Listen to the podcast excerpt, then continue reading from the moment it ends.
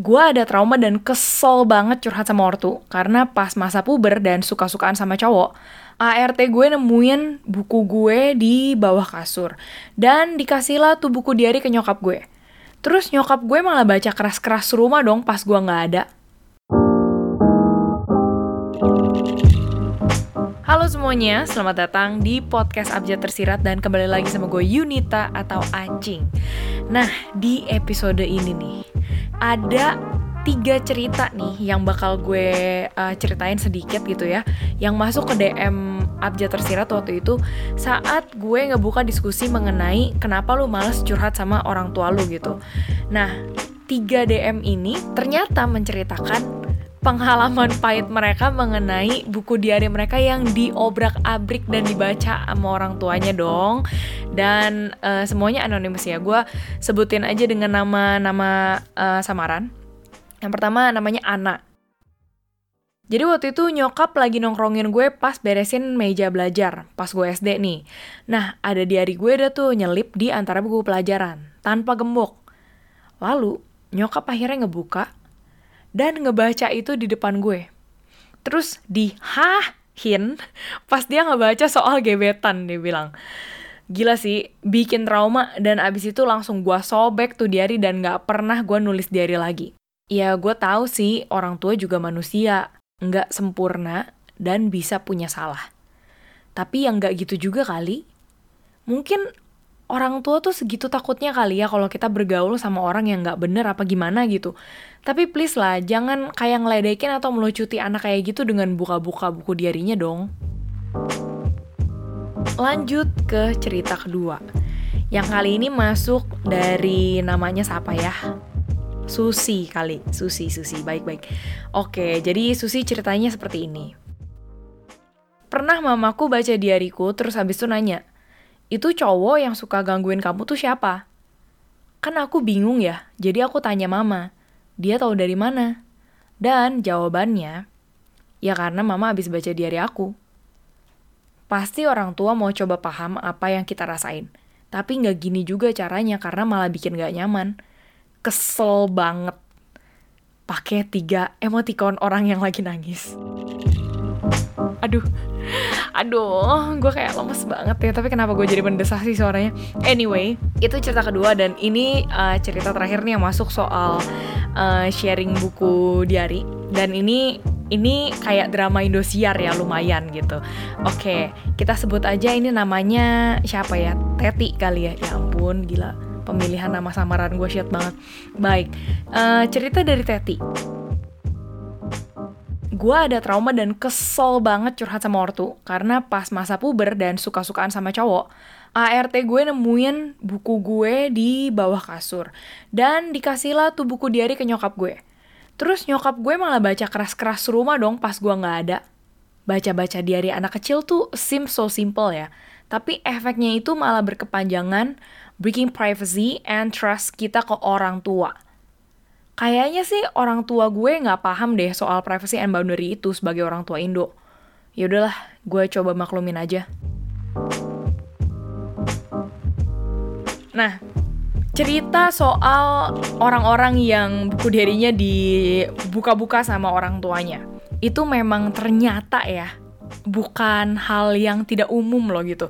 Waktu gue uh, dapet DM itu pun gue shock dan gue pikir, oh my god, gue pikir tuh gue doang yang pernah mengalami itu di keluarga gue gitu loh. Dan efeknya memang ya berkepanjangan. Uh, salah satunya adalah sampai detik ini gue nggak pernah sama sekali share tulisan personal apa pun yang gue tulis di abjad tersirat ataupun uh, yang dibukukan waktu itu ke buku uh, memor dan memar gitu ya ngomongin soal itu dan apa hubungannya dengan curhat sama orang tua dan healthy boundaries. Jadi uh, soal DM itu uh, yang tadi masuk kan ada karena gue buka diskusi di Instagram Story beberapa hari lalu mengenai uh, kenapa lu males curhat sama orang tua lu kan. And then most of the answers gitu adalah kalian bilang karena lu males dijudge. Uh, cuma gue setelah gue uh, balik ke Indo dan gue coba adaptasi sebisa mungkin dengan kondisi keluarga gue dan juga mencoba untuk memahami gimana caranya biar gue lebih waras ya hidup di sini gitu. Nah, gue akhirnya mencoba untuk memahami tiga hal ini nih, yang setidaknya akhirnya membantu gue sedikit untuk bisa berdamai sama isu curhat sama orang tua ini.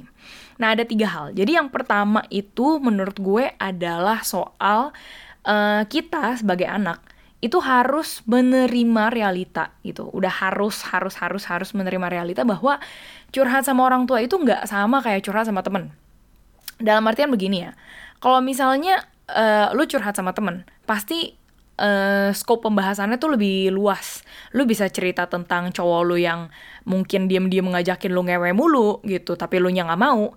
Atau misalnya lu bisa ngomong, iya loh kemarin itu gue cobain drugs gitu ya, tapi gue nggak suka ah misalnya kayak gitu. Ya temen lu paling kan cuma ketawa-ketawa aja kan. Kalau mereka esol ya paling mereka laporin lo ke polisi. Cuma most likely mereka akan ketawa dan lebih santai pembawaannya daripada saat lu ceritain itu ke orang tua. Kenapa? Ya, karena mereka yang melahirkan lu, and no matter what gitu. Mereka pasti respon, bukan respon malah, reaksi utamanya adalah panik gitu. Uh, but having said that, uh, gue nggak mau bikin isu ini menjadi kayak kayak apa ya kayak tolerate uh, tingkah laku orang tua yang toksik dan segala macam ya karena isu mengenai uh, hubungan orang tua dan anak itu eh, sangat-sangat kompleks gitu. Cuma dalam hal ini yang cuma bisa gue kasih uh, poin besarnya adalah gue nggak bahas poin ini karena gue mau bikin kita uh, feel guilty atau uh, udah terima aja lah bokap nyokap gue kalau misalnya responnya tuh kayak tai atau merendahkan gue atau diari gue diobrak abrik terus difotokopiin ke tetangga juga nggak apa-apa. Nggak begitu ya. Cuma lebih ke kalau misalnya lu merefleksikan hubungan lu sama orang tua dan masih bisa dicari jalan tengahnya ya jalan tengahnya itu atau jalan damai yang sedikit bisa lo lakukan adalah dengan menerima uh, realita bahwa memang cerita sama orang tua atau curhat sama orang tua itu nggak akan pernah dapet respon yang sama kayak lu curhat sama temen lu. Udah itu aja, karena ya itu orang tua kita yang membesarkan kita, dan udah pasti mereka jauh lebih protektif daripada teman-teman kita dong. Dengan begitu, itu bisa ngebantu kita untuk ngerti ke poin yang kedua, yaitu Ntar dulu ya lanjutinnya, ada suara ajan. Jadi kita intermejo dulu, bentar ya. Oke, okay, jadi kembali lagi kita dan ini mau ngebahas soal poin kedua. Kita harus bisa ngefilter topik yang mau dicurhatin gitu. Nah, uh, gue tidak punya solusi atau gimana ya, gue nggak punya satu solusi yang bisa ngejawab semua keresahan kalian ya. Karena kan gue nggak tahu bapak mak lu kayak gimana gitu kan. Atau hubungan lu sama orang tua lu kayak gimana. Cuma kalau dari cara gue yang setidaknya terkadang berhasil gitu uh, yaitu adalah gue mencoba untuk nggak langsung ngegas ke topik curhatnya gitu. Uh, biasanya gue mencoba untuk observasi dulu nih nyokap gue punya opini apa tentang isu yang mau gue angkat di topik curhatan jadi uh, misalnya ya misalnya uh, kalau misalnya gue tahu nyokap bakalan anti banget sama orang yang ngedrugs. Kenapa sih contoh gue narkoba? Terus gue sounds like junkie. Tapi ya biasa kan orang tuh paniknya mau narkoba ya. Misalnya nyokap gue tuh panik sama hal itu. Ya ya udah jangan dong gue ceritain oh iya mau panik ya denger itu iya temen acing kemarin baru nawarin acing ganja loh itu loh brownies ganja uh, terus acing cobain gitu karena nggak ada makanan ya kalau kayak gitu pasti nyokap makin panik dong. Jadi ya mau nggak mau memang topik itu harus anda buang ya dari list curhat gitu. Bisa kalau misalnya udah tahu nyokap kayak gitu lu diem aja kayak hehehe iya iya iya teman-teman aku sih baik semua ya pada ke gereja gitu ya. Nah uh, tapi ada nih waktu itu ada satu cerita yang eh satu topik curhat yang surprisingly malah nyokap gue bisa menerima. Yaitu cerita soal sex before marriage. Jadi um, yang pasti ini complicated. Cuma gue mencoba untuk uh, menjabarkan ini sesingkat-singkatnya. Uh, I've already told these stories. Itu di uh, episode podcast yang episode ketiga sama episode 28. Jadi kalau lu mau ringkasnya, eh salah, kalau lu mau detail-detailnya banget banget banget uh, apa yang terjadi sama gua dan kenapa si cerita sex before marriage ini kok kayaknya complicated banget ya. Nah, itu lu dengerin aja itu ya episode 3 dan 28. Tapi singkat cerita, untuk yang udah mendengarkan dan udah tahu nih ceritanya, jadi saat itu yang ketar-ketir mengenai uh, gue sudah nge-sex sebelum nikah adalah uh, beberapa siblings gue gitu ya. Nah, uh, intinya nyokap bokap gue lebih tepatnya nyokap gue malah lebih chill gitu. Dan uh, saat kita bahas lagi mengenai isu itu, uh, lately ya gue ngebahasnya. Jadi waktu itu kan yang tangan gue dijahit no tiga jari. Nah nyokap gue kan datang ke sini jagain gue nginep dan segala macem. Dan seminggu itu ya kita banyak catch up dengan segala macam kehidupan gue lah gitu. Dan salah satunya adalah isu mengenai sex before marriage gitu. Dan ternyata uh, gue baru tahu stance nyokap gue itu adalah saat dia tahu gitu gue sudah melakukan seks sebelum menikah dia ya gue nggak tahu sih dia marah apa gimana ya. Cuma dia cuma ngomong ya ya mau gimana? Maksudnya anak udah dikirim ke luar negeri ya susah jaganya juga gitu loh. Itu stance dia yang gue tangkep ya. Dan um, dia merasa bahwa kadang-kadang hidup itu harus praktikal. Jangan diribetkan oleh karena kefanatikan anda akan sebuah kepercayaan gitu. Aduh gue ngomongnya hati-hati banget takut menjelekkan agama sendiri gitu. Cuma uh, nyokap gue kenapa bisa bilang begitu karena uh, nyokap gue pun memang datang dari background sebagai perantau dari Bangka ke Jakarta kan? Dan nyokap gue lihat sendiri lah maksudnya ya anak kos kosan nggak mungkin dong lu nggak punya pacar gitu at one point of your life. Dan kalau misalnya pacaran kan nggak mungkin dong lu uh, cuma di ruang tamu doang. Kadang-kadang mungkin anda iseng mengajak pacar anda ke dalam rumah. Lalu dari dalam rumah ih banyak nyamuk ya di ruang tamu kita kamar aja yuk. Ya mungkin kayak gitu ya gue mencoba untuk meng apa ya memvisualisasikannya ke kalian di zaman tempo dulu gitu. Nah um, jadi gue memang nggak pernah nanya sih sama nyokap gue kayak eh lu udah ngewe belum mau papa sebelum nikah? Gue nggak nanya seperti itu. Cuma dari cara dia cerita soal teman-teman kosannya dan segala macam di zaman itu ya ketahuan lah. Maksudnya nyokap gue itu lebih punya toleransi mengenai sex before marriage.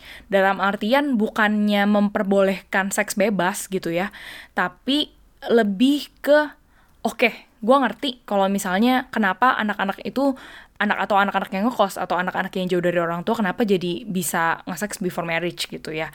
Nah, uh, selain itu juga nyokap gue memang ya dia punya agama tapi enggak apa ya, enggak dalam level fanatik gitu. Kalau gue bisa bilang lebih ke dalam level ya udah kalau lo mau ngomong dosa gitu ya dalam hal ini ya ya udah dosa. Kalau lo mau dengerin kata-kata itu keluar dari mulut gue cuma itu urusan lo sama Tuhan bukan urusan lo sama gue. Nah itu setidaknya dari observasi saat gue curhat sama nyokap mengenai sex before marriage ya. Dan di banyak realitanya sih pastilah ada uh, kesalahpahaman yang terjadi antara lo dan orang tua. Cuma ya again balik lagi kalau misalnya memang hubungan lu sama orang tua masih bisa diperbaiki ya kenapa enggak? Coba dari kitanya uh, cari topik pembahasan yang nggak bikin mereka kebakaran jenggot juga tapi kalian masih bisa dapat koneksi antara lu dan orang tua lu gitu. Nah, berikutnya, nih yang terakhir, yaitu adalah setting up healthy boundaries. Dan kalau misalnya mungkin lu masih baru mendengar istilah uh, setting up boundaries atau healthy boundaries gitu ya di relationship. Ini tuh sebenarnya kayak semacam limitasi atau permission apa yang kita buat di suatu relationship. Jadi uh, bisa relationship sama orang tua, pasangan, temen, atau bahkan sama diri lo sendiri. Dan tujuan untuk ngebikin boundaries ini ya untuk bikin relationship itu menjadi tempat yang comfortable dan safe, di mana lo juga bisa build confidence dan juga positive uh, self esteem gitu loh. And in order untuk lo establish boundaries ini ya lu harus clear dengan orang yang ada di dalam relationship itu tentang lu tuh siapa sih dan apa sih yang lu mau dan uh, beliefs sama values lu tuh apa? Juga selain itu limit limit lu nih apa nih gitu. Nah kenapa kita bikin dan sebenarnya harus ya bikin si boundaries ini? Karena a lot of times uh, kita tuh terlalu fokus dengan nge-adjust kebutuhan kita demi menyenangkan orang lain atau demi membahagiakan semua orang gitu. Dan yang praktisnya nih kalau misalnya kalian masih bingung setting up boundaries itu praktisnya seperti apa sih? Nah, gue mau share sedikit tentang pengalaman gue setting up boundaries sama parents gue ya terutama. Jadi, uh, waktu gue balik ke Indo, uh, gue sebenarnya lumayan worried karena mixed feeling banget uh, gue seneng di Indo tapi kalau tinggal sama parents gitu ya saat itu kan gue belum nikah kalau lagi balikan uh, kalau gue tinggal sama parents gue bakal deal sama uh, hal-hal uh, yang selama ini gue nggak tahu hal-hal personal di family dan itu tuh langsung jebret di muka gue gue kaget tapi gimana caranya ya untuk ngomongnya? Uh, kalau misalnya nyokap curhat ini itu tapi gue gue bilang jangan curhat gitu misalnya gue stopin untuk jangan lanjutin gila gue nggak sopan banget dong and bla and bla and bla and bla. And then after that karena gue mendem mendem mendem mulu and it explodes at one point dan saat itu gue langsung jaga jarak sama orang tua gue dan ya melakukan banyak salah dan juga benernya sih gitu di dalam momen jaga jarak itu dan salah satu yang bener itu adalah saat gue ke psikolog dan gue ceritain hal ini, lalu psikolog gue come up with the idea that I need to set up healthy boundaries antara gue dan orang tua gue. Um, si psikolog gue ini nanya, uh, apa sih yang paling lo takutin saat lo nanti balik ke Indo? Terus gue bilang sama psikolog gue bahwa gue tuh takut kalau misalnya nyokap gue pas ketemu gue tuh langsung bombardir gue dengan segala macam info yang gue nggak mau tahu gitu. Dan juga gue nggak mau tahu bukan karena gue nggak sayang mereka tapi it's too much for me to handle. Dan gue terlalu kaget untuk tahu itu akhirnya psikolog gue ya nanya ke gue ehm, menurut lu kalau misalnya itu terjadi apa yang bisa lu lakukan? Dan gue nggak tahu salah atau enggak kalau misalnya gue bilang ke nyokap atau bokap gue kalau gue nggak mau dengerin cerita itu dulu. Kayak gue mau ketemu sama lu bener-bener literally cuma lagi mau untuk bonding aja ketawa-ketawa uh, ngobrol-ngobrol yang ringan-ringan. Dan kalau misalnya gue udah siap ya gue pengen untuk eh, pelan-pelan mungkin ngobrolin hal yang deep itu. Dan gue bilang tapi ke psikolog gue cuma gue tuh salah gak sih kalau misalnya ngomong kayak gitu? Kan sounds like gue tuh kayak anak durhaka yang ya ampun orang tua lu curhat aja lu ngeluh gitu. Orang tua lu tuh padahal udah ngegedein lu kayak gimana masa lu kayak gitu aja? And then you know like it's spiral down lah gitu otak gue yang negatif negatif dan akhirnya dia ngomong ya udah it's okay. Uh, it's normal untuk lu berpikir seperti itu tapi uh, you need to try. Karena kalau lu nggak coba komunikasi ini tuh you will never know. Dan parents lu nggak akan pernah tahu kalau ternyata itu limitasi lu gitu.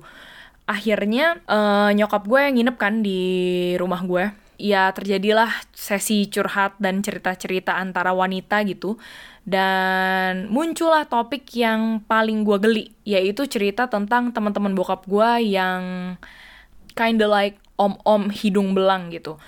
Waktu itu startnya karena gue cerita sama nyokap gue bilang gila acing tuh geli banget tuh sama teman papa yang A. Karena waktu gue lagi baru SMP uh, eh, gue tuh pernah dikomentarin kalau wah gila acing ya udah ABG nih pantatnya udah gede. And it just like disgust me until now. Abis itu nyokap gue bias langsung lanjut dong kayak iya kamu tau nggak teman papa yang ini juga begini begini begini ke mama toh? Yang gitu-gitu. Nah sebelum nyokap gue uh, me apa ya menuju ke topik itu lebih dalam lagi dan bikin gue makin geli gitu akhirnya gue bilang sama nyokap gue mah Acing nggak apa-apa mama cerita ini tapi please jangan sebutin nama orangnya siapa. Jangan gue bilang jangan sebutin omnya tuh yang mana. Karena kalau nanti misalnya gue ketemu bokap gue dan ketemu si om itu gue tuh bakal jijik banget dan like gue gue tuh marah tapi gue nggak bisa ngapa-ngapain gitu loh. Jadi itu pertama gue bilang uh, dan yang kedua kalau misalnya ini berhubungan sama hal yang mama hampir dia papain sampai parah banget ya gue nggak mau denger juga. Karena gue berasa itu berat untuk gue dengerin gitu loh. And surprisingly nyokap gue bisa ngerti itu. Dan nyokap gue bilang oh iya oke okay, oke okay, oke. Okay. akhirnya nyokap gue cerita tuh singkat banget dan nggak nyebutin nama and it's like the first time after 28 years gue hidup sama nyokap gue di mana gue berasa wow gila ini tuh ada possibility ya bahwa orang tua pun bisa loh ternyata kalau dibilangin baik-baik tentunya. Dan dengan alasan yang memang ya ya gue memang limitasinya seperti ini jujur gitu ya apa adanya tanpa ngebentak-bentak mereka ya ternyata bisa kok untuk orang tua lu coba dengerin gue mau share tentang satu perspektif dari si yang tadi di awal gue udah ceritain uh, buku dirinya dibaca sama nyokapnya di depan semua orang saat dia lagi nggak ada di rumah. Um, setelah dia cerita soal diary dan segala macem uh, efeknya ke dia, dia akhirnya share perspektif di mana menurut gue ini adalah satu kalimat yang bisa ngebantu mungkin gua atau beberapa orang di luar sana untuk bisa coba mulai berdamai dengan situasi curhat sama ortu. Kayaknya nggak mesti juga curhat untuk bisa being nice ke parents kita. Karena respon dan kedewasaan orang tua kan berbeda-beda. Ada yang wise, ada yang toxic. Menurut gue sih nggak mesti feel bad kalau kita emang nggak nyaman curhat ke ortu. Karena curhat itu kan pilihan. Nah, setuju apa enggak? Terserah kalian mau beropini seperti apa ya. Yang pasti pembahasan ini gue share dan gue buka untuk diskusi bukan untuk bikin kita feel bad merasakan emosi-emosi tertentu kepada orang tua kita. Atau parahnya mungkin malah tolerate aja gitu treatment yang shit dari orang tua kita selama kita curhat atau selama kita mengutarakan kebutuhan kita ke mereka. But gue share ini ya purely untuk bisa bikin kita coba berdamai aja sih. Nah, kalau misalnya selama ini ngarepin dari ortu aja nggak pernah dapet jalan damainya, ya kenapa nggak kita mulai dulu aja kan dari diri kita sendiri?